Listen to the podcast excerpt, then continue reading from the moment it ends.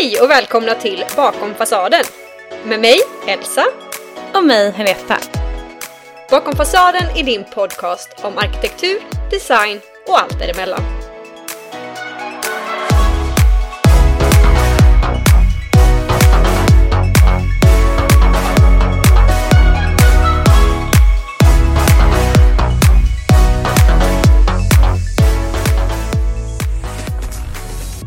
Elsa, hur är läget med dig då?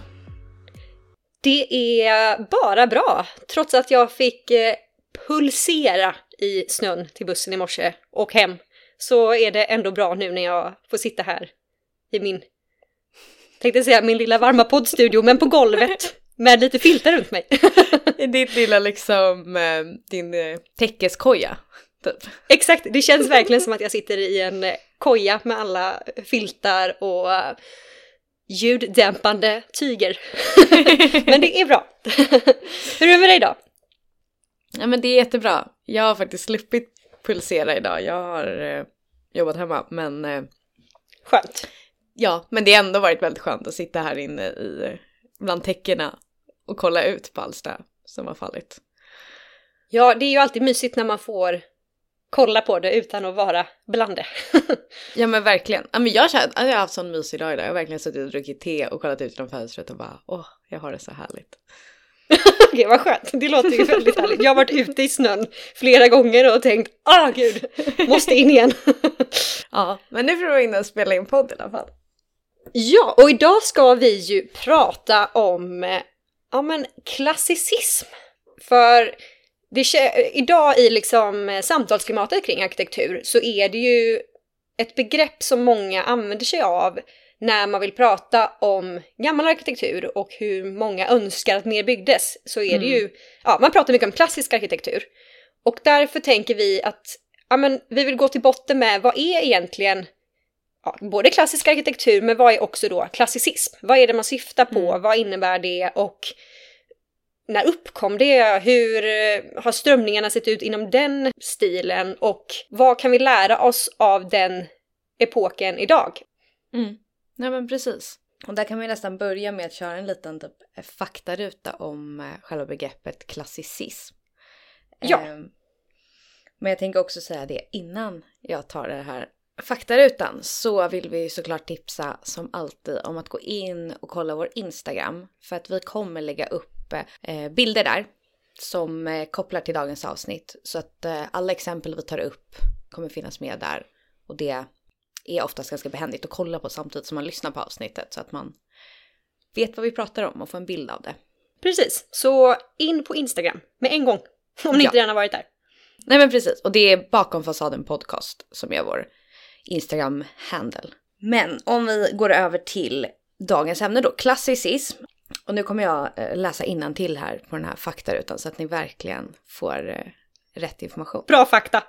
För att ni får bra fakta hämtat direkt från Wikipedia. Exakt! Det är då man vet att det är bra. Precis.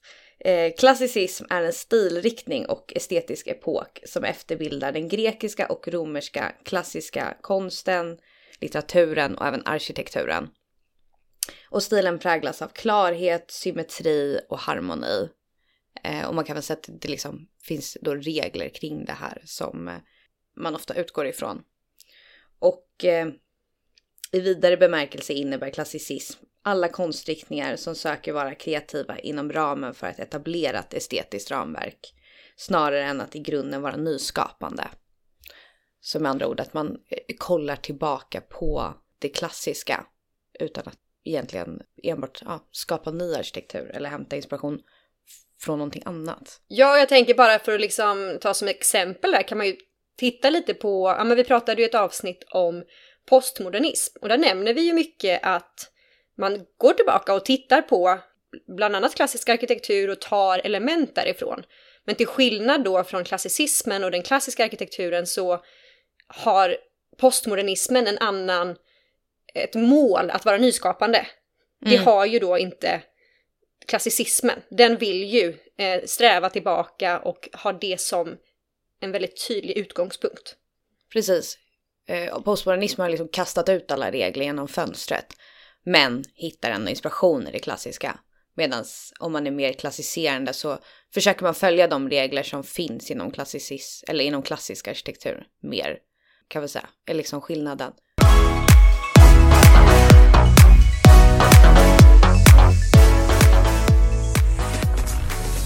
Men om vi ska börja från början, för det är ju det man nästan måste göra när vi ska prata om eh, klassicismen. Från, vi börjar från Big Bang. Men vi börjar i alla fall eh, nästan vid Big Bang, vilket är då antikens Grekland. Så vi pratar före Kristus, eh, ungefär eh, 700 år före Kristus, till runt ja, 300-talet före Kristus är väl det man då brukar prata om som antikens Grekland. Precis, och det är ju väldigt länge sedan. Man kan ju nästan fråga sig hur vi vet så mycket om eh, arkitekturteorin i det klassiska Grekland. Och där kan man säga att så här, det man hämtar inspiration ifrån eller kollar på när man eh, ritar efter klassiska regler, om man ska göra det idag eller om man har gjort det tidigare, det är då en författare som eh, heter Vitruvius som gjorde tio böcker om arkitektur. Och han var liksom, han levde då i, i under tidiga romarriket och eh, skrev ner liksom alla regler och ordningar som han hittade i den grekiska antika arkitekturen. Ja, för det han jobbar med är ju väldigt mycket så här olika begrepp. Mm. Han pratar om, ja men till exempel ordning, symmetri. Han använder även ordet eurytmi, som jag tror man säger så på svenska. Ja, det är inget ord jag säger så ofta. Ja, precis. Jag, jag tror också eurytmi är de, den rätta översättningen. Ja, och, alla, och de här tre orden har ju, alltså, de har ju med liksom mått, med kvantitet och proportioner att göra. Och Mm. jag läste en ganska bra beskrivning av de tre och det är att ordning då utgår från ett absolut mått som upprepas och indelas. Mm. Symmetri utgår ifrån förhållandet mellan mått i delar och i helhet. Och det tredje ordet, Mm. eurytmi, det utgår ifrån upplevelsen av dessa egenskaper genom människans kropp och sinnen. Och det är också en väldigt viktig del i hur Vitruvius såg på arkitektur, för han utgick väldigt mycket ifrån den mänskliga kroppen. Och Mm. våra sinnen och även våra proportioner utgick han också väldigt mycket ifrån. Ja men människan är liksom någon form av utgångspunkt både i då upplevelsen men också i beståndsdelarna. Att det är Precis. viktigt ur flera aspekter. Ja, och sen har ju han tre liksom eh, begrepp till som han tyckte var viktiga. Och det var då eh, disposition, dekor och distribution, eller ekonomin i byggnaden. Och där kan man säga att liksom dispositionen handlar ju liksom om hur eh, elementen i arkitekturen liksom komponeras och eh, hur de disponeras till helheter liksom. Det, det är väl ett av de lite luddigare av hans begrepp kan man säga.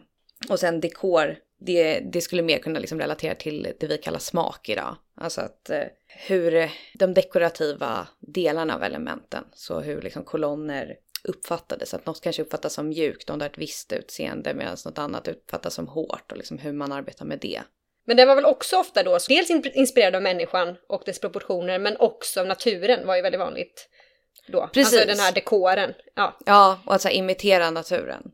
Ehm, Ja. Och även under dekor kommer även det liksom att man ska följa en viss ordning, men också att man ska anpassa byggnaden efter liksom klimat och ljusförhållanden. Så att det, det skulle man kunna säga att mycket av det som idag förknippas med arkitektur är väl då det han kallar för dekor. Och sen det sista då, distribution eller ekonomi. Det är ju liksom lite mer tekniskt då, fördelning av tillgångar. Alltså hur stora olika plan skulle vara beroende på vad de hade för typ funktion eller val av material i förhållande till platsens möjligheter. Hur byggnaden placerades på platsen. Det blir ju liksom, jag kan ändå förstå att det liksom blir ett resurstänk nästan. Vart är det platt eller vart är det goda ljusförhållanden? Där sätter vi byggnaden. Hur stor kan den vara? Vart är det, alltså vad får plats på ja platsen? absolut. Ja. Och det är ju så vi tänker idag också, men han har ju väldigt tydligt skrivit ner mycket av det. Alltså så här, och mer förklarande då. Precis, och han har ju som jag förstått det hämtat sina idéer också från liksom tidigare skrifter och från typ sin egen erfarenhet som arkitekt. Men det finns också vissa kritiker som säger att här, en del av de saker han skrev ner hade han nog kanske inte helt förstått själv, vilket gör hans texter ganska svårtolkade. Men de är ganska flummiga mycket av det han skriver. Vilket ju lämnar väldigt mycket utrymme för tolkningar. Precis. Och det är väl det som sen har liksom tolkats i årtusenden.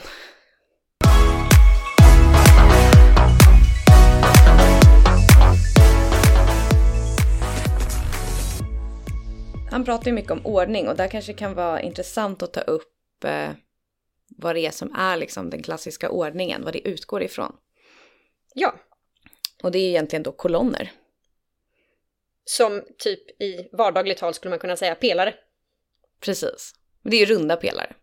Pelare är väl... Ja, Om, om man är strikt, vilket vi har fått lära oss vara på utbildningen, så är pelare fyrkantiga och kolonner runda va? Eller? ja så är det nog. Men jag tänker i vardagligt tal så tänker jag att allt är pelare. Ja. Eh. Jag hade nog också liksom kallat det pelare. Kanske Mats Hultman eller eh, Thomas Hellqvist hade blivit jättearga på mig om jag sa så. Men eh, Ja, alltså jag hade en det. gymnasielärare som också var så här, vet ni inte att vad kolonner är? Så blev han jätteupprörd. Men nu vet alla det i alla fall, att en eh, kolonn är rund. Precis, Så kolonner är runda. Och eh, då inom den grekiska arkitekturen så fanns det tre kolonner. Vill du berätta om dem? Elsa? Ja, alltså när man pratar också om tre kolonner så är det ju mycket då liksom vilket utseende de har i dels sin slankhet, sina proportioner, alltså ja, tjockhet versus längd eller höjd. Men Mm. också i vilken typ av dekorationer de har ja, men, längst upp. de, de har ju olika utseenden då, men de ska också med de här olika utseendena vi är tillbaka igen människan liksom. De ska motsvara ehm, olika kön och även då, ja, det finns tre. Det är jonisk som ska motsvara det kvinnliga, det är dorisk som ska motsvara det manliga och korintisk som är då jungfruligt. Så Precis. en kvinna också antar jag, men en annan kvinna. Det man kan säga då är att om vi börjar med den doriska och alltså då den manliga pelaren så är den, ja men ofta är den väl liksom, den är lite mindre slank än de andra och en ganska enkel pelare. Den har Ja. inte så mycket utsmyckningar, nu pratar jag pelare igen, eh, kolonn. Får vi hålla oss, nu är det faktiskt arkitekturpodd. Eh, nej men det är en, eh, den har inte så mycket dekorationer liksom högst upp i toppen. Jag tänker nu är det jättebra om ni redan har kollat på vår Instagram så ni vet vad jag pratar om. det blir tydligare då. Medan Precis. om man pratar om den joniska och alltså den kvinnliga pelaren, då är den slankare men den har också en dekoration i toppen som är ja men som en krusidull eller en Ja, rundning. det är som två krusiduller liksom. Som två horn på en någon bock, jag vet inte, något sånt. Det ska typ motsvara två kvinnliga lockar, alltså att kvinnor hade mer lockigt hår. Så man tänker två, en lugg liksom, så snurrar sig in. ut som det. Ja, Så en kvinnlig glugg. en kvinnlig Och sen då den sista, den korintiska kolonnen. Den är också i proportion mer som den joniska, men ännu slankare egentligen. Mm. Och den har, den är väl den mest dekorerade i toppen kan man säga, där det är som bladverk som liksom går, sticker ut, lite som en ananastopp. Nästan. Ja precis, alltså de vecklar sig ut. Men sen finns ju då även en fjärde faktiskt, som då inte uppkom i Grekland utan som uppkom i Rom. Och den, Mm. komposita heter den på svenska va? Eller? Precis, komposita. Och det är en kombination. Ja, Ja. precis. Det är ju som en mix mellan den joniska och den korintiska. Det är som den här ananastoppen och som har då ananastoppen har fått en kvinnlig lugg högst upp. Ja, precis. De är Det liksom... är starka arkitektoniska beskrivningar, men ni hoppas ni är med på vad vi menar.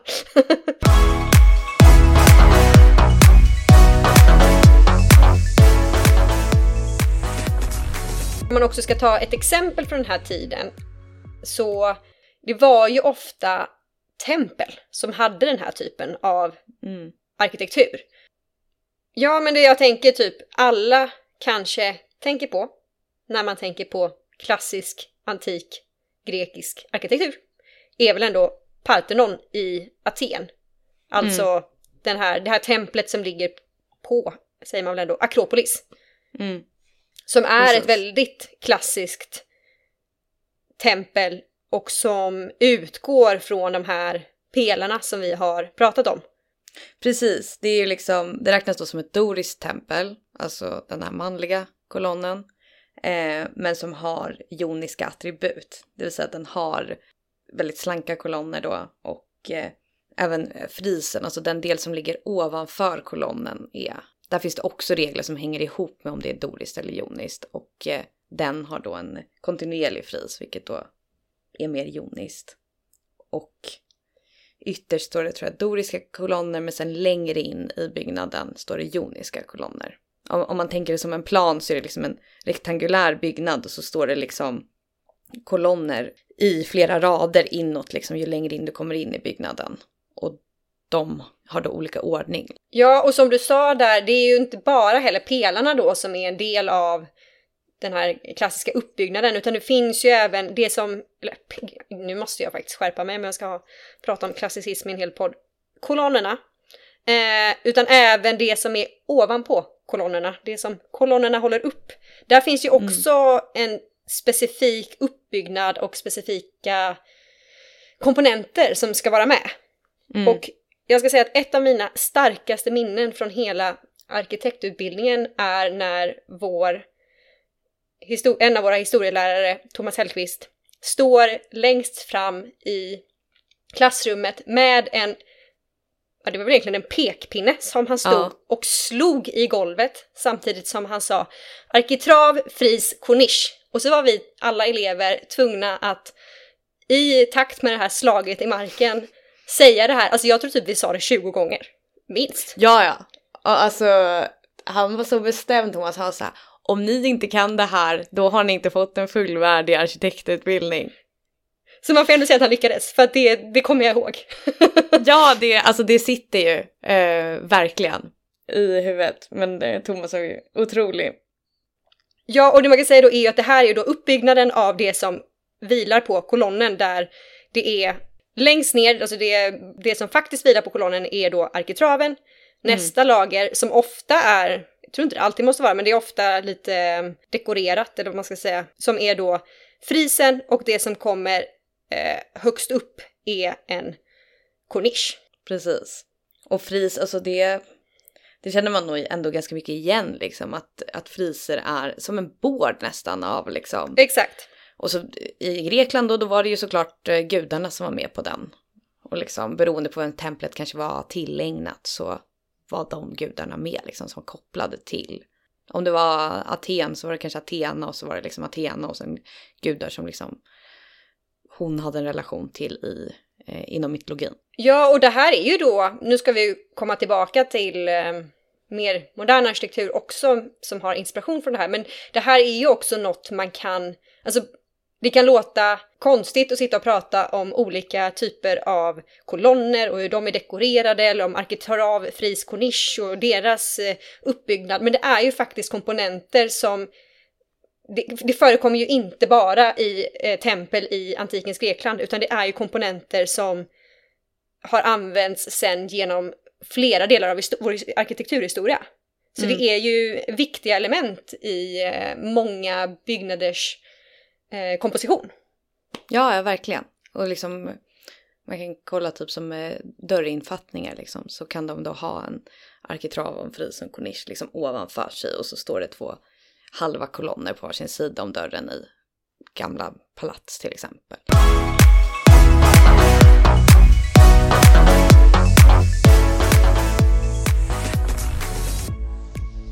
Och det man kan säga är ju att när han eh, Vitruvius eh, skrev om arkitekturteori så då utgick ju han från de här kolonnerna. Framförallt då de tre grekiska.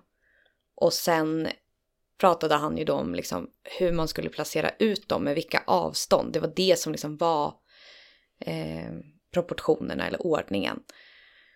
Och liksom skapade regler för det och där utgick man ofta från så här, diametern på kolonnen och sen så fanns det liksom specifika mått för hur långt det skulle då vara till nästa och liksom eh, även när det sen fortsatte in i inredning eller i fasadkompositioner så var det fortfarande liksom kolonnernas mått inom Mm. sig liksom. En kolonn kanske kunde delas in i liksom nio höjdenheter och då utgjorde de ett mått som man sen använde för att placera ut nästa sak i fasaden. Så att allt blev liksom det fanns en matematisk uträkning när man smartade om delar liksom, för att få fram hur fasaden skulle se ut. Och där blir det nästan ett rätt och ett fel som jag tror genom sen den resterande arkitekturen eller arkitekturhistorien har man har lutat sig tillbaka på och använt sig av. Exakt, det känns som att eh, man vet att det blir bra och rätt om man utgår ifrån de här proportionerna, eh, samspelet, eh, rytmen och så vidare. Precis. Det som dock är intressant är ju att trots att de här reglerna finns och han skriver ganska tydligt hur, hur man ska dela in det så kollar man på till exempel Parthenon då i Grekland så står ju inte alla kolonner med samma avstånd. Utan de sista kolonnerna liksom som kommer i hörnen, de står då eh, lite tätare. Och de har också en lite större diameter. Och det var liksom ett medvetet val för att typ bryta upp ordningen. Och göra det liksom eh, ja, men mindre strikt och stelt för det är en jättestort liksom stentempel. Och då... Men det är väl också lite det här begreppet vi sa, eurytmin. Alltså det här människans eh, upplevelse av det sen. Det, det går inte, det, vi... Det krävs oftast någon liten förskjutning och så vidare för att det ska bli något mer intressant och en bättre helhetsupplevelse. Alltså man kan inte Mm. vara 100% strikt oftast när man använder sig av regler för då blir inte nödvändigtvis resultatet det man hade hoppats på. Nej, nej, verkligen. Men det är det som är intressant med en man som liksom, hans livsverk är böcker med regler. Men samtidigt finns det den här lilla brasklappen eller kryphålet med att så här, fast man behöver inte följa dem till punkt och pricka. Och i det här liksom eh, antikens Greklands, ah, vad ska man säga, främsta arkitektoniska verk så är det inte helt regelrätt liksom.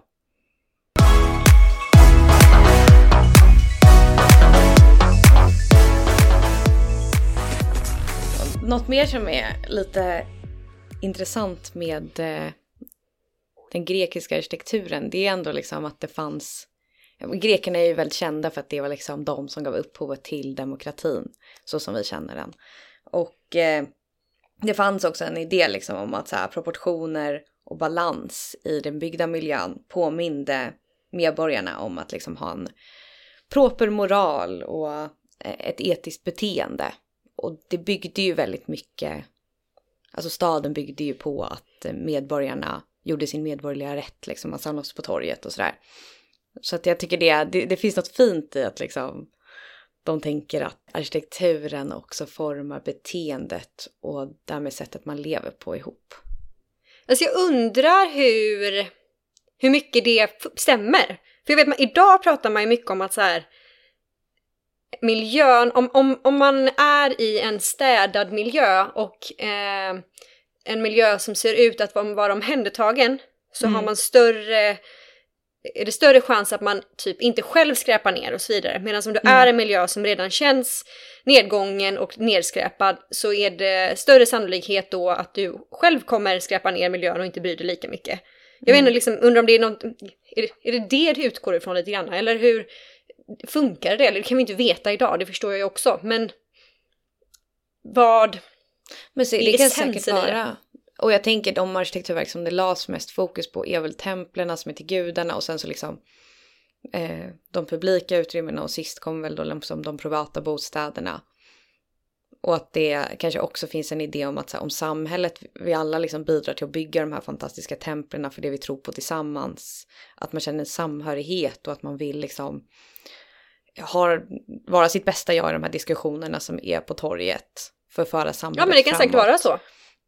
Jag vet inte, jag tänker så här, i Sverige väl också det funnits politiska idéer där byggande har varit kopplat till politiken. Sen har det kanske varit mer, men, om man tänker socialdemokratiskt styre och de bygger liksom miljonprogrammet för att alla ska ha bostäder. Det representerar någonting helt annat, men det är ändå samma tanke om att så här, med byggnader ska vi ta hand om medborgarna så att de känner att ja, men deras skatt går till rätt saker och att de blir hörda. Ja, arkitekturen är väl alltid nästan politisk. Det finns ju mycket politik i arkitekturen och framför allt då i den arkitekturen som du säger som vi alla delar. Nej, nej, verkligen. Ja, men det är, det är ju intressant eh, tankebana ändå, att den finns med redan då.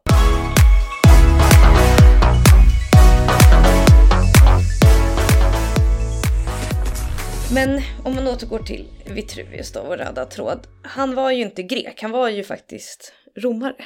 Ja, och när man pratar om den här tiden och man pratar, och framförallt när man pratar om antiken som begrepp så är det ju faktiskt både Grekland under den här tiden men också Rom som man refererar till. Japp. The Roman Empire, som alla män tänker på minst Varje en dag. gång i veckan. ja, exakt. Gud, jag känner att nu när man har researchat inför avsnittet, vi har läst mycket om Rom i utbildningen också, att jag lite återupptäckte bara, ja men nu förstår jag alla män. Det, det är sjukt fascinerande ändå. Ja, alltså det är det ju. Det kan man inte säga annat. Det är ju absolut en fascinerande tid och som sagt nu då en tid som man har kollat tillbaka på inte bara en och inte bara två och inte tre gånger utan liksom man återkommer till hela tiden. Så det är Mm. ju verkligen en fascinerande tid på många sätt. Verkligen. Och där kan man säga att romarna kollade ju på grekerna och tog deras kolonnordningar, men de tweakade dem också och kom på den här komposita, den, den fjärde. Men de har ju också liksom, de är ju väldigt, blir väl tekniskt kunniga, det är ju senare i historien också, så att så här, de kommer på en typ av betong som eh, jag tror det tog lång tid innan vi liksom i modern tid förstod exakt hur deras betong var uppbyggd, för den var väldigt bra som jag har förstått det. Ja, och den möjliggjorde ju en helt annan typ av arkitektur. Alltså den Mm. möjliggjorde ju arkitektur som vi än idag kan tycka är... Alltså jag tänker, nu tänker jag bara direkt då på Pantheon i Rom. Som Mm. har, eh, eh, använder sig av betongen och betongens egenskaper och eh, Pantheon är ju då en stor betongbyggnad rund med ett, vad ska man säga, ett En, valvformat en tak. kupol. En kupol kallas det på arkitekturspråk. Precis. Idag är mitt arkitekturvokabulär on point. Nej men och kupoler kunde ju inte grekerna göra på samma sätt för de jobbade med stenblock liksom. Precis, så det här blev ju, de, det möjliggjordes ju av den här då betongen, men också som du säger att det måste vara en väldigt bra typ av betong för att lyckas med det ändå, för det är en otrolig spännvidd den klarar av i Pantheon. Ja, och det är väl också det romarna kommer på. De kommer ju på det här med att med bågformade valv så klarar man större spännvidder. Nej men och sen kan man ju också säga att de använder också armering i betongen. Jag vet att jag läste att eh, en anledning till att Colosseum inte står helt idag, det är för att man eh, tog ut metallen, alltså armeringsmetallen, för att göra vapen. Ah, great. great priorities. Precis. Ja, och vi kan ju nämna då att Colosseum, Colosseum är ju också från den här tiden och det är ju också ett väldigt tydligt exempel på det här vi har pratat om. Dels med valv, för det är ju uppbyggt av typ bara valv, Mm. men också av kolonnerna vi har diskuterat och framförallt i att det är kolonner i flera våningar. Precis, så mellan valven så står det liksom halvkolonner i eh, fasaden och de följer då den här ordningen. Så de doriska, de manliga är liksom längst ner och sen så har de joniska och sen de korintiska och sen allra högst upp, där är det inga valv på liksom den eh, delen av fasaden. Och där har de då pilastrar som då tänker halva pelare, alltså att de har ett fyrkantigt eh, tvärsnitt, men som är korintiska. Och det är liksom då det lättaste. Ja, och det kanske vi ska säga, om vi sa det, när vi pratar om de här eh, kolonnerna och ordningen så är det just, ordningen handlar ju som du sa nu om i vilken ordning man ska placera dem också. Mm. Man ska ju ha de här doriska i botten, följt av jonisk, följt av korintisk. Alltså det finns även en ordning i då placeringen av dem. Precis, och där kan man väl känna att så här, det är väl förlegat att tänka så, men att det är liksom från tyngst till lättast och då är det då från man till jungfru. Precis, Och klassiker. där går det att på den tiden alltså, likställde man väl jungfru med ogift kvinna och därmed en ung kvinna och så tänker de att hon är väl Ja. lättast. Ja. Ja, det, det, Väldigt låter ju, ja, det låter kanske lite förlegat om man säger så, men om man tänker tyngd till lättnad så kanske det känns mer. De är ju också olika Precis. tjocka liksom.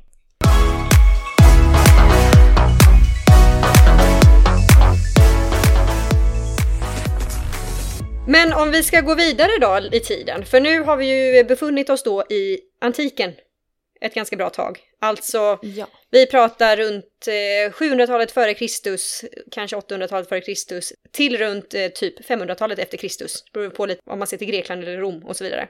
Mm. Men därefter blir det ju ändå en, någon form av avsvalning av det här idealet som man jobbade med då och de här reglerna. Och det kom ju tillbaka sen på under renässansen som då var Precis. typ 1300-talet till typ 1600-talet. Och det som var då under den här perioden var att det var då egentligen som Vitruvius texter och det han pratade om i den arkitekturen, det var då det liksom blev stort. Alltså under Mm. antikens tid så tror man inte att han egentligen hade så stor påverkan, utan hans texter blev stora under renässansen. Precis. Man kan hitta, har hittat liksom bevis på att de, folk kände till dem under hela romartiden och de bevarades. Men de gjorde liksom inget stort avtryck. Och sen tror jag att de gav sig ut på nytt liksom under 1400-talet och började spridas stort. Och då hade ju liksom renässansen börjat och man hade börjat kolla tillbaka på antiken. Och då blev han ju liksom tongivande. Ja, och det man gjorde var ju just det här att man, man började kolla tillbaka. Hur gjorde man under antiken? Hur jobbade man med kolonner? Hur jobbade man med eh, fasadens uppbyggnad? Med det här vi pratar om, om rytm, om symmetri, om eutromi, om ja, vad vi nu har använt oss för massa olika begrepp. Alltså man går tillbaka till och kollar på det här och Mm. ser hur man kan använda sig av det igen. Ja men precis. Så Vitruvius böcker blev liksom tongivande. Sen var det även Andrea Palladio gjorde ett verk som hette Fyra böcker om arkitektur som kom ut på 1500-talet. Som också liksom pratade Diskutera det här. om precis den här liksom eh, det som var grunden till renässansarkitekturen. Och även Vignola. Han hette Giacomo Barozzi da Vignola. Som gjorde regler för de fem kolonnordningarna. Där han också då pratade om hur man skulle ta hand om kolonnerna. Men det är ju här då som under renässansen som det vi då, när vi pratar om klassicism egentligen blir, eh, eller börjar på något sätt, för att det är då som, Mm. ja men, när man pratar klassicism som vi sa under den här lilla faktarutan så är det ju ofta att det man syftar till är arkitektur som kollar tillbaka på antiken och det här var, ja, ungefär första gången det hände då. Alltså det var här det började Precis. igen, att man tittade tillbaka och inspirerades. Och det som blir det svåra med att typ exakt definiera klassicism är ju att inspirationen från antiken har ju fortsatt sen, alltså ända fram till idag. Så det finns ju inte heller bara så här exakt den här tiden, utan renässansens sätt att se på det utvecklades ju senare i, det blev väl barockt efter det. Precis. som ju också tittar tillbaka på det klassiska, men på ett annat sätt. Alltså, det, det fortsätter ju att utvecklas. Ja, och det kan man väl även säga att så här, även eh, gotik och det som föregick renässansen, alltså den mer medeltida arkitekturen, den har ju såklart också element från det klassiska. Exakt. Arkitekturen liksom eh, var ju en pågående process som utvecklades, men renässansen är liksom första gången man typ aktivt kollar tillbaka. Vi skulle nog egentligen kunna göra ett helt avsnitt tänker jag om renässansen, men vi Ja. kan ta några exempel nu bara så att eh, ni får se liksom lite vad det, hur det såg ut. Precis. Och en eh, av de liksom kändaste klassiska exemplen av renässansarkitektur är väl då Tempietto eh, av Bramante som är liksom en liten, liten rund byggnad. Jag tycker den ser ut som en bröllopstårta nästan. Men den har ju då, den är rund och den är kantad av, alltså runt hela byggnaden är det kolonner då. Ja, nej men det man kan säga om Tempietto är väl då att den eh, byggdes ju ja, 1502. Så tidigt 1500-tal. Ja, och om man ska ta ett till exempel från samma period så är det Palazzo Farnese i Rom. eh, som är då den franska ambassaden. Den är ifrån 1589. Så det är ju 80 år senare ungefär än den här första vi pratade om. Mm. Och den är ju, tänker jag, klassiskt den typen av fasad jag tänker på när jag hör ordet renässans. Det som gör att renässansen kanske också är lite mer eh, greppbar men också relaterbar är väl att, för när vi pratade antiken så är det så himla så här, det är tempel som bara består av i princip kolonner. Eller det är Mm. Pantheon som också är någon form av ja, tempel från början. Eller det, alltså när vi kommer till renässansen så är det ju helt plötsligt byggnader som ser ut lite mer som de gör idag. Men man kan se de här reglerna då, men kanske på mer som sagt greppbart sätt, alltså i en fasad. I, man ser Mm. rytmen i fasaden, man ser att det är en symmetrisk byggnad, man ser de här, det dekorativa som han också pratar om som vi sa, uppbyggnaden, att den är indelad i tre, proportionerna emellan de våningarna. Ja, alltså det är mycket av det här som då reglerna kommer i uttryck i en mer då, ja, samtida är ju ta i, men samtida fasad.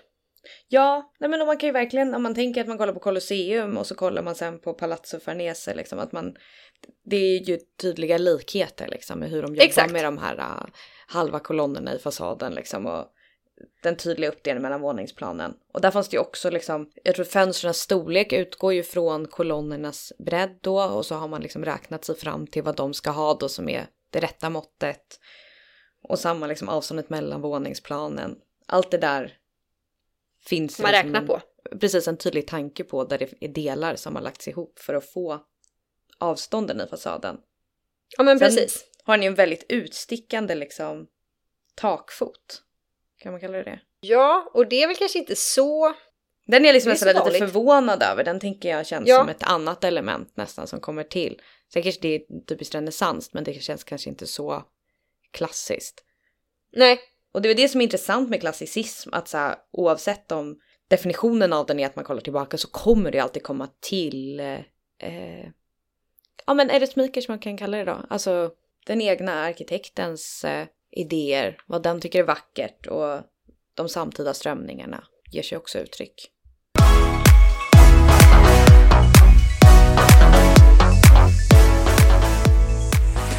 Men man kan säga att renässans, eller klassiska ideal svalnade lite under 1600-talet. Så det är ungefär ett århundrade där, där det är liksom stilar som har kommit ur renässansen som är de ledande. Men intresset för att kolla tillbaka är inte alls lika stort. För att sedan Nej. då återuppstå på 1700-talet med men ny klassicism. precis, nyklassicism som ibland också kallas då nyantik. Precis, så att då är det igen då att det kommer igen en ny våg av det här idealet och att man ska titta tillbaka på det. Och det är ju samma sak igen, det, det återkommande blir de här kolonnerna, sättet man ser på fasaden.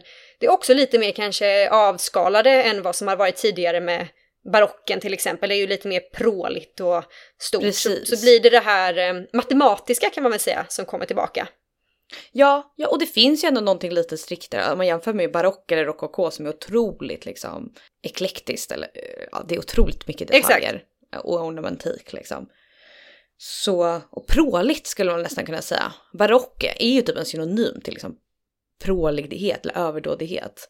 Så kommer nyklassicismen och det blir liksom ett steg tillbaka, det blir lite enklare igen. Det kommer tillbaka liksom att man bara shit, just antiken, den var ju så Vi glömde den i hundra år. Vi glömde den i 100 år, De men- hade något där. Nu har vi insett dem. Och där eh, finns det också en intressant aspekt av att så här, 1700-tal, det är liksom, slutet av 1700-talet kommer franska revolutionen. Det börjar liksom komma mer republikanska strömningar i Frankrike och även i Nordamerika där man liksom börjar Anamma den här stilen.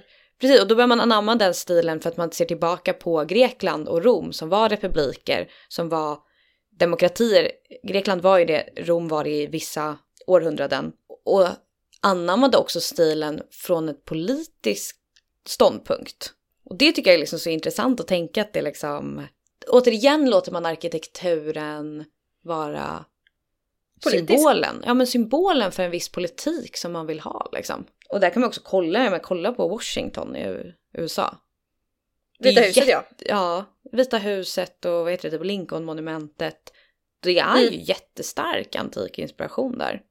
Och där kan vi även hitta andra exempel från samma period som ja, men också är väldigt eh, monumentala, för det är ju det det också blir på något sätt, många av de här byggnaderna. Eh, och där har vi till exempel Triumfbågen i Paris. Mm. Den kommer från den här tiden, det är från, den byggdes mellan 1806 och 1808.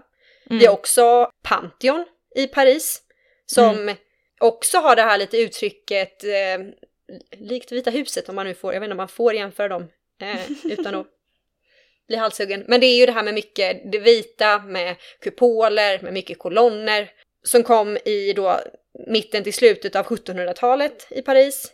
Mm. Vi har också Victor Emanuel-monumentet i Rom som, där man också, där har man tagit i, det är väl också lite likt Vita huset, fast där har man tagit i liksom från tårna med kolonner och kupoler. Den har blivit ganska kritiserad för sin, att den är ganska, ja, inte brutal, är väl ett fel ord, men den, eh, det, det är mycket som händer. Jag tycker nästan det påminner om Fontana di Trevi. Ja, men det gör det. är en väldig eh, liksom kuliss som skapas. Ja, den tycker jag nästan påminner, den här Emanuel Victor, eh, Victor Emanuel, förlåt. Monumentet påminner lite om arkitekturen i Washington. Alltså- Exakt. Mm. Det är något, det här låter kanske fel, men det är något för mig som känns lite, lite fake. Typ. Ja, och det är det den också har fått kritik för den här eh, Victor Emanuel-monumentet, att den är en, alltså en kuliss, att det är det man har skapat bara. Mm. Nyklassicismen, ja men det kännetecknas väl av det. Det är lite gräddtårtor över den, eller? Nej men det är verkligen som du säger gräddbakelsearkitektur. Alltså både om man kollar tycker jag då Pantheon i Paris, Victor Emanuel-monumentet eller Vita huset. Alltså det är ju någon gräddbakelse över det, vilket också är intressant med tanke på att vi sa att det är lite mer avskalat. men, men det är ju liksom pråligt på ett annat sätt Mm. än då till exempel barock och så vidare. Men jag tycker det är kul också bara ta ett exempel från Sverige. Mm. För när vi nu är på 1700-talet, eller eh, då har ju även vi i Sverige kanske kommit ikapp lite i stilinfluenser och så vidare. Mm. Och en byggnad som, som är från den här tiden och som är i Göteborg är ju domkyrkan i Göteborg. Den är från 1815 och med väldigt tydliga nyklassicistiska ideal. Man kan till exempel se i en tydlig entré som är kantad av fyra stycken kolonner i, Mm. och de är doriska. Mm. De här kolonnerna, de håller upp ett tak då, men, men det är ju då de här arkitraven, frisen och kornischen som vi har pratat om tidigare. Alla de här viktiga elementen är ju med i entrésituationen. Sen kanske resten av byggnaden är lite mer då eh, enkel och den är ju då i, i tegel, men just entrén har de här, ja men har alla element som vi har, har pratat om och som kommer Mm. från antiken. Verkligen. Ja, och interiör tänker jag också att det är liksom pilastrar som känns lite... Man kan se en tydlig referens till det antika. Längst in vid altaret är det ju liksom någon sorts stenkolonner. Och de är ju joniska som jag ser det.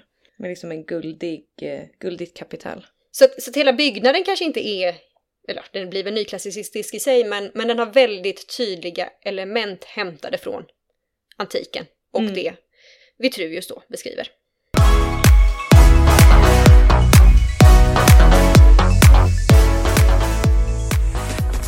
Ja, och sen nyklassicismen går väl ner liksom kring 1880 säger man väl att den liksom ändå är slut när det kommer till eh, arkitektur. Men eh, som vi säger, det går ju vågor det här och även i Sverige kommer det liksom tillbaka en klassicistisk våg under 1920-talet som man brukar kalla 20-talsklassicism eller nordisk klassicism. Ibland bedöms den även som Swedish Grace. Liksom, ja, det är lite spretigt med namnen, men där blir det ju liksom klassiska influenser men det är ju något väldigt skandinaviskt över de byggnader som byggs då för de är ganska mycket striktare om man jämför med nyklassicismen. Man ser att det igen har liksom anammats, men den här gången ur ett ännu då nyare perspektiv. Precis. Och det är ju mycket liksom stramare. Ja, Och där har vi väl också för att så här, det är ju funktionalism som uppstår samtidigt. Jag kan tänka mig att det också gör att det blir stramare. Ja men det tror jag absolut. Och det här, eh, ja men de putsade fasaderna som ofta är en kombination tillsammans med ändå då de här dekorativa elementen. Men, men det finns ändå någon hint av, kanske inte modernismen, men av den tidsandan. Ja men precis. Och där tycker jag att ett jättebra exempel är ju eh, Konserthuset i Stockholm. Som Ja, ja. Det är liksom en ganska monumental byggnad, klarblå, putsad.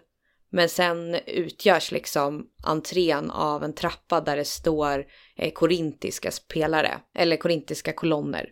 Jag, ty- jag tycker ju väldigt mycket om liksom den här 20-talsklassismen. Jag tycker den kombinerar en enkelhet med eh, det liksom bästa från det klassiska typ. Om du förstår vad jag menar. Jag tycker det är en av de bästa epokerna i svensk arkitektur ändå. Ja, men jag håller med. Nej, och sen ytterligare ett exempel som också är från den här tiden där man kanske ännu mer då än konserthuset har tagit till sig de an antikens regler men då blandat upp den då med samtidens lite mer moderna ideal är ju uppståndelsekapellet i Skogskyrkogården som är ritat av Leverentz. Ja, nej, uppståndelsekapellet är ju eh, precis som konserthuset en otrolig kombination av klassiska element och en eh, modernistisk strikthet, tycker jag. På ett sätt man inte tror skulle funka men som funkar jättebra. Precis, för det är liksom, det finns den här portiken med liksom kolonner som känns superklassisk, men den sitter ju inte centrerad på byggnaden. Vilket liksom är det första Precis. så här, man blir förvånad över. Och sen när man ser resten av byggnaden som bara är helt slät utan fönster. Ja, vi kan ju bara säga då också att alltså den här entrén till skogs... Nej, till uppståndelseskapellet är ju då en rad kolonner som sen då, det vilar, ja, jag vet inte, kan man kalla det arkitrav, fris, kornisch? Det är inte riktigt den uppdelningen, Jo, men det vilar det- den här typen, ja det kanske det är då. Ja, det vilar en sånt där triangeltak i mer då vardagligt, vardagligt uttryck ovanpå. Så entrén är ju otroligt klassisk. Mm. Men sen då resten av byggnaden och som du säger placeringen av entrén är inte speciellt klassisk. Att man sätter det på änden snett är ju ett helt annat grepp. Mm. Nej, hade man bara sett entrén så hade man kunnat vara så här, ja det är typ Pantheon i Rom. Exakt. Och sen ser man byggnaden bakom och hur den är placerad och bara, nej men det här är något mycket senare. Och också Lerens tänker ju jag liksom så strikt modernistisk om man har sett liksom de andra kyrkorum han har gjort som har noll dekorationer och utsmyckningar. Eller inget ornamentik på det här sättet. Och så ser man det här. Och jag, jag, man blir förvånad att det är samma arkitekt på ett sätt. Men det är väldigt snyggt gjort så jag förstår att det är samma arkitekt. Han var ju otroligt duktig. Ja, och det visar väl också lite på det som eh, Vitruvius då, om vi ska gå tillbaka till honom, prata om att som arkitekt är det väldigt viktigt att kunna sin historia, kunna känna till bakgrunden och vad som skapar arkitekturen och det är väl ett väldigt fint sätt av honom, alltså Olof Leverentz att kunna visa på den typen av bredd menar jag. Alltså han Mm. har en så otroligt stor kunskap så att han har också möjligheten att göra byggnader av olika slag. Verkligen. Nej, och det där, alltså nu när vi har läst på om det här, det där kan jag känna att jag saknar från min egen utbildning. Även om vi har läst arkitekturhistoria och jag tror jag har haft någon tillvalskurs på mastern som ändå lite mer vi skulle bygga i gamla stil, men då var det, vi skulle kolla tillbaka på 30-talet. Men att jag hade velat kunna de här reglerna lite bättre, för jag hade också velat kunna rita ett uppståndelsekapell. Eller åtminstone försöka. Men jag har Nej, men jag faktiskt inte menar, så gedigen kunskap om de här reglerna. Jag kan de historiska elementen, men den faktiska liksom indelningen och ordningen som man ska jobba med de här elementen, den kan jag liksom inte fullt ut, för jag har aldrig applicerat den. Nej men det kan jag hålla med om, att man eh, fick eh, teorin till viss del, men inte verktyg för att applicera den idag.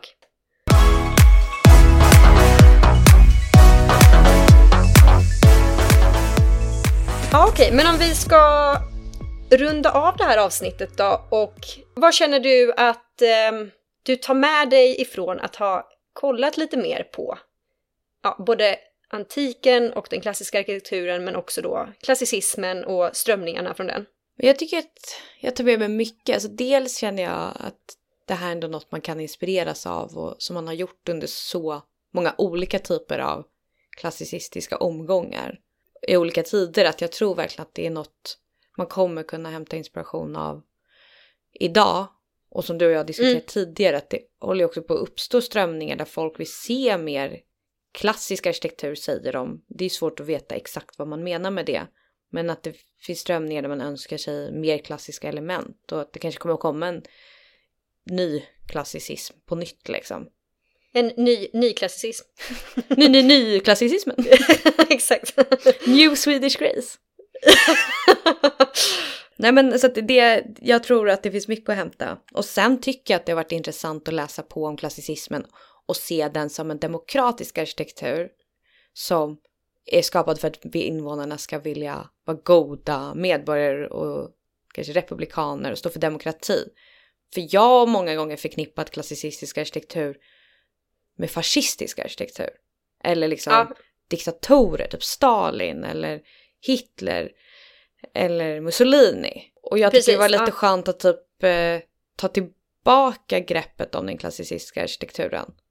För det känns, det är ibland kritiken mot liksom arkitekturupproret, att folk säger att de är fascister eller SD-are.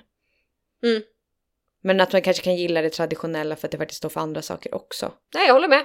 Men vad, vad tycker du har varit roligast? Men jag tycker nog att så tydligt se det som, ja, men som vi pratat om, alltså som en våg som bara som kommer tillbaka och går bort lite och kommer tillbaka. Och, och nu kanske vi haft en ganska lång tid av att ja, modernismen då och andra typer av sätt att bygga på. Som du säger, vi kanske är till, på väg tillbaka och jag tycker ändå Både inom arkitekturupproret så finns det starka röster för det, men, men jag tycker också inom arkitektkåren att det börjar pratas mer om att det liksom på något sätt skulle vara okej okay att hitta den inspirationen igen. Mm. Och jag tycker då att liksom, för, för det man ofta, när man pratar om klassisk arkitektur och att man skulle rita det idag så pratar man ofta att det skulle vara någon form av pastisch och att man skulle kopiera, att det skulle vara fake. Ja.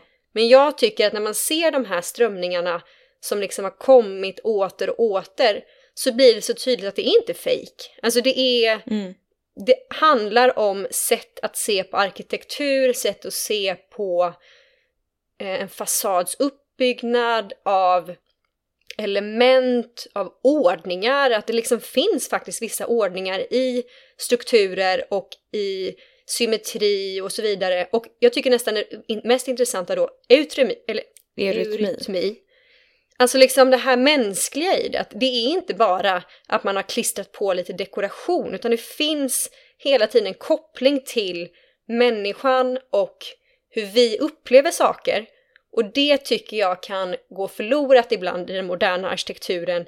Kanske främst när vi pratar riktigt höga hus och liksom ja, men höghus, men också vissa andra byggnader. Jag kan tycka att en del modern arkitektur missar den mänskliga kontakten. Ja, eh, verkligen. Att, upplevelsen av, alltså helheten och upp, alltså det kan vara en häftig byggnad men sen som människa på gatan, hur man upplever den, där finns det något som vi saknar. Och där tycker jag att man kan hitta inspiration i, i klassicismen, i antiken, i neoklassicismen, alltså i alla de här. Mm. Man kan hitta viktiga värden att inspireras av. Ja men verkligen, det jag håller helt med dig. Jag tror att det det är viktigt att ha med sig ett visst mått av klassisk skolning. Och som vi har pratat om tidigare i typ postmodernismen att så här, de arkitekterna visste vad de bröt mot för regler. Det, Exakt. Det är en kunskap jag tycker man borde ha som arkitekt och jag tror faktiskt man hade kunnat ha den i större utsträckning på utbildningen. Jag tror det en, finns en efterfrågan för det. Det tror jag också. Ja, men jag vill avsluta med en fråga Elsa. Okej, wow, Vilken nu blir jag nervös. är din favoritkolonn?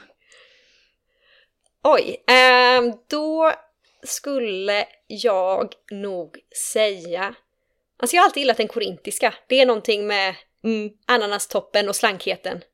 Jag, kan, jag är, ja, det, det, är någonting med den. Det är väl jungfruheten i den. det är så jungfrulig.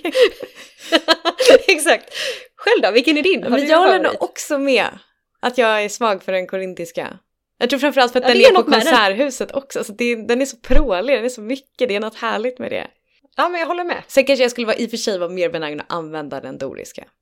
Om jag skulle rita någonting. Ja, då skulle jag nog säga den joniska för den ändå har något kul. Alltså, alltså jag, jag gillar någonting. faktiskt inte de där små lockarna så mycket.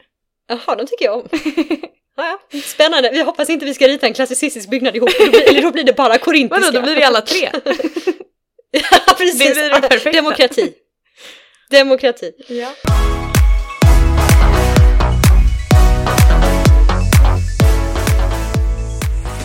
Okej Elsa, men om vi ska avsluta med eh, veckans tips. Har du något eh, du vill tipsa om? Ja, det har jag. Det här är faktiskt ett tips som jag själv har blivit tipsad om en gång. Och det är podcasten The Witch Trials of J.K. Rowling som ja, man kan lyssna på Spotify bland annat, eller gissningsvis där alla poddar finns. Som är, ja men alltså varför jag nämner att jag har fått en tipsad till mig själv är för att det är en podd som är i sju delar och varje avsnitt är typ en timme långt. Och jag tänkte när jag fick tipset att oj oj, det kommer jag kanske inte orka. Men jag slukade den. Alltså den var jättebra verkligen. Eh, den handlar om J.K. Rowling, om ja, hennes historia, om ja, hennes liv helt enkelt, men också den stora fokuset är transdebatten i ja, England, i världen och liksom hur stort och infekterat det här ämnet har blivit och hur mycket liksom det har blivit två läger som nästan bara skriker på varann och inte vill lyssna på varann. Och det jag tycker var så fint med den här podden var att jag tycker att den var väldigt neutral. Den tar upp båda sidor och båda sidor får chansen att prata utan att bli avbrutna ut och liksom, ja, jag tycker det var en bra podd i att lära sig mer om transfrågan och få chansen att höra på det från flera olika synvinklar helt enkelt. Mm. Nej men för visst blev hon eh, lite... Eh, hon gjorde några uppmärksammade Twitterinlägg eller vad?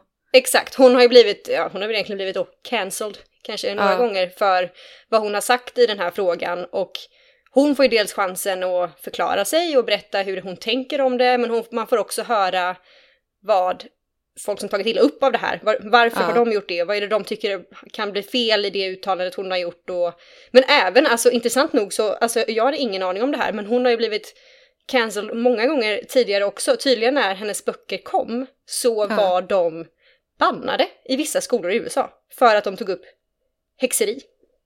På riktigt? Alltså i riktigt, ja, i riktigt så här kristna delar av USA så var böckerna bannade i vissa skolor och för att ens få låna dem var man tvungen att få typ ett tillstånd då av sina föräldrar som visade att jag får läsa Harry Potter.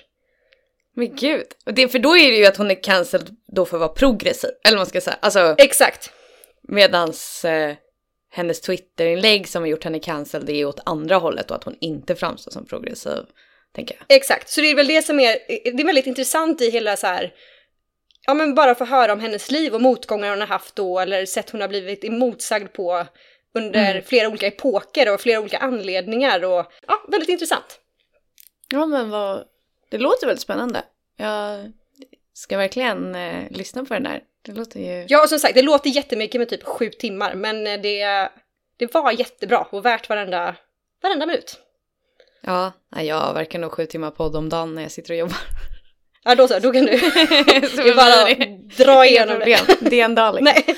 Nej men, eh, nej men det låter spännande, det låter ju kul ändå och intressant med en podd som är kanske lite annorlunda än det man vanligen följer som kanske kommer ut varje vecka och är liksom mer eh, någonting Exakt. löpande. Och den har också fått väldigt mycket bra kritik just för att vara, alltså låta båda sidor komma till tals på ett lugnt sätt utan att mm. vara skrikig. Och det tycker jag behövs mer av idag när folk Känns som att man, det är så mycket känslor av förståeliga skäl åt flera olika håll i många olika politiska frågor. Men det känns som man inte riktigt, alla får komma till tals alltid för att det är ja, så mycket känslor inblandat. Ja, det är det som är svårt för att det är klart man är emot folk som är nedvärderande mot eh, transpersoner eller vilka minoriteter som helst. Men det är också svårt med cancelkultur för det är man kanske inte heller så positivt inställd till. Så att eh, kan tänka mig att det är en Exakt. intressant eh, debatt som uppstår i podden. Ja men det är det. Så um, in och lyssna. Ja, verkligen. Du då Henrietta, har du, har du några tips den här veckan? Ja, det har jag. Eh, det är faktiskt också en podcast. Okej. Okay. jag tror jag har tipsat dig om den här tidigare. Jag har tipsat om alla som vill höra. och nu är det dags att tipsa även i den här podden. Eh, men jag har en favoritpodd som heter Shameless Podcast. Ehm, ja, men den har du tipsat mig om. Ja. Och eh, det är ett australiensiskt eh, mediebolag som eh, heter Shameless och de gör poddar om eh, men populärkultur. Så dels är det podcast som kommer ut veckovis som handlar om liksom, ja, men det som händer i populärkulturen under veckan. Um, och de här tjejerna är eh, journalister i grunden så de pratar ändå om det på ett ganska nyanserat sätt. Men det är ju liksom ganska ytliga och glättiga ämnen. Jag tycker det är en perfekt kombo av det jag liksom gillar. Och sen är det kul också för de är australienare så man får lite insikt i deras kultur typ. Det, de är ju väldigt patriotiska, det bor inte så många i Australien även om det är ett stort land. Så att det, det är mycket referenser till så här, åh den här kändisen är ihop med en australienska, liksom wow, typ. Hon kommer från Melbourne precis som vi. Men sådana är vi också. Alltså vi är ju så med allting i Sverige att så här, en svensk på Oscarsgalan eller en svensk över, någonstans. Så Det är väl, Det är det är väl så man blir. Ja. Ja, det är lite kul att inse att ett land som Australien som jag tänker är så stort liksom, eh, de är också så. Men de är, ja, jag tycker den podden är jättekul och de har också en gång i veckan kommer ut ett avsnitt där de har fokuserat på liksom en kändis, eller Scandal heter de avsnitten och då har de oftast fokuserat på något som eh, har varit en stor skandal. Det kanske är ett kändispar, typ eh, Victoria Beckham och David Beckham har de en serie, tror jag, i två, tre delar om. Eller ja, det finns massa olika. Några otrohetsaffärer. Ja, Hugh Grant hade ihop det med en prostituerad. Alltså det är liksom, det finns allt möjligt. Men det jag tycker, jag, jag har inte lyssnat då så mycket på podden, men jag får upp dem ganska ofta på TikTok eftersom att jag gillar kändisar, de pratar kändisar, algoritmerna Mm. säger du borde nog gilla det här. Och det jag tycker att de är duktiga på är att liksom prata om saker på ett Alltså prata om kändisar och allt sånt här, men på ett typ respektfullt sätt, men också på ett respektfullt sätt utan att det blir typ alldeles för PK. Alltså det blir Nej. alldeles för mycket brasklappar och liksom, utan de lyckas hålla någon form av balans mellan att ändå få goss, eller prata lite skvaller samtidigt som det är ganska, ja men på ett seriöst sätt, men det är ändå roligt och det är, ja, de lyckas hålla, klara den balansen där. Ja, ja, men jag tycker verkligen det är det som är deras styrka, att de ändå är roliga att lyssna på. Och det är väl alltså så att deras catchphrase är ju for smart people who like dumb stuff. Alltså, och det är väl typ lite det som är sinnebilden av podden liksom. Populärkultur Va, är, det är kanske jag. inte ett... Ja, det, och det är jag liksom. Nej, men... Nej, men populärkultur är väl inte liksom eh, ett så här fint eh, intellektuellt ämne liksom. Men det här är ändå tjejer som ja, pratar om det på ett liksom analyserande sätt där de ändå ja, tar upp det på, på ett eh, sätt som inte framstår som ointellektuellt. Ja, nej men jag, jag håller med, eller det lilla jag då har lyssnat så håller jag verkligen med. Det, det är ett jättebra tips. Ja, det är kanske en lättsam podd efter att ha lyssnat på dagens avsnitt om tunga intellektuella ämnen. Exakt, så man får eh, gå rakt över till Shameless efter det här avsnittet om klassicism. Perfekt.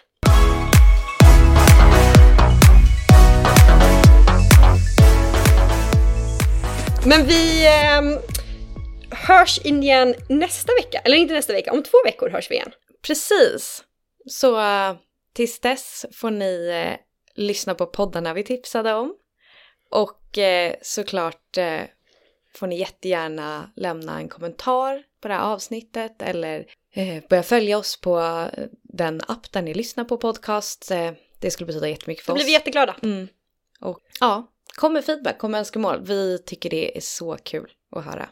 Ja, vi hörs! Hej då! Det gör vi!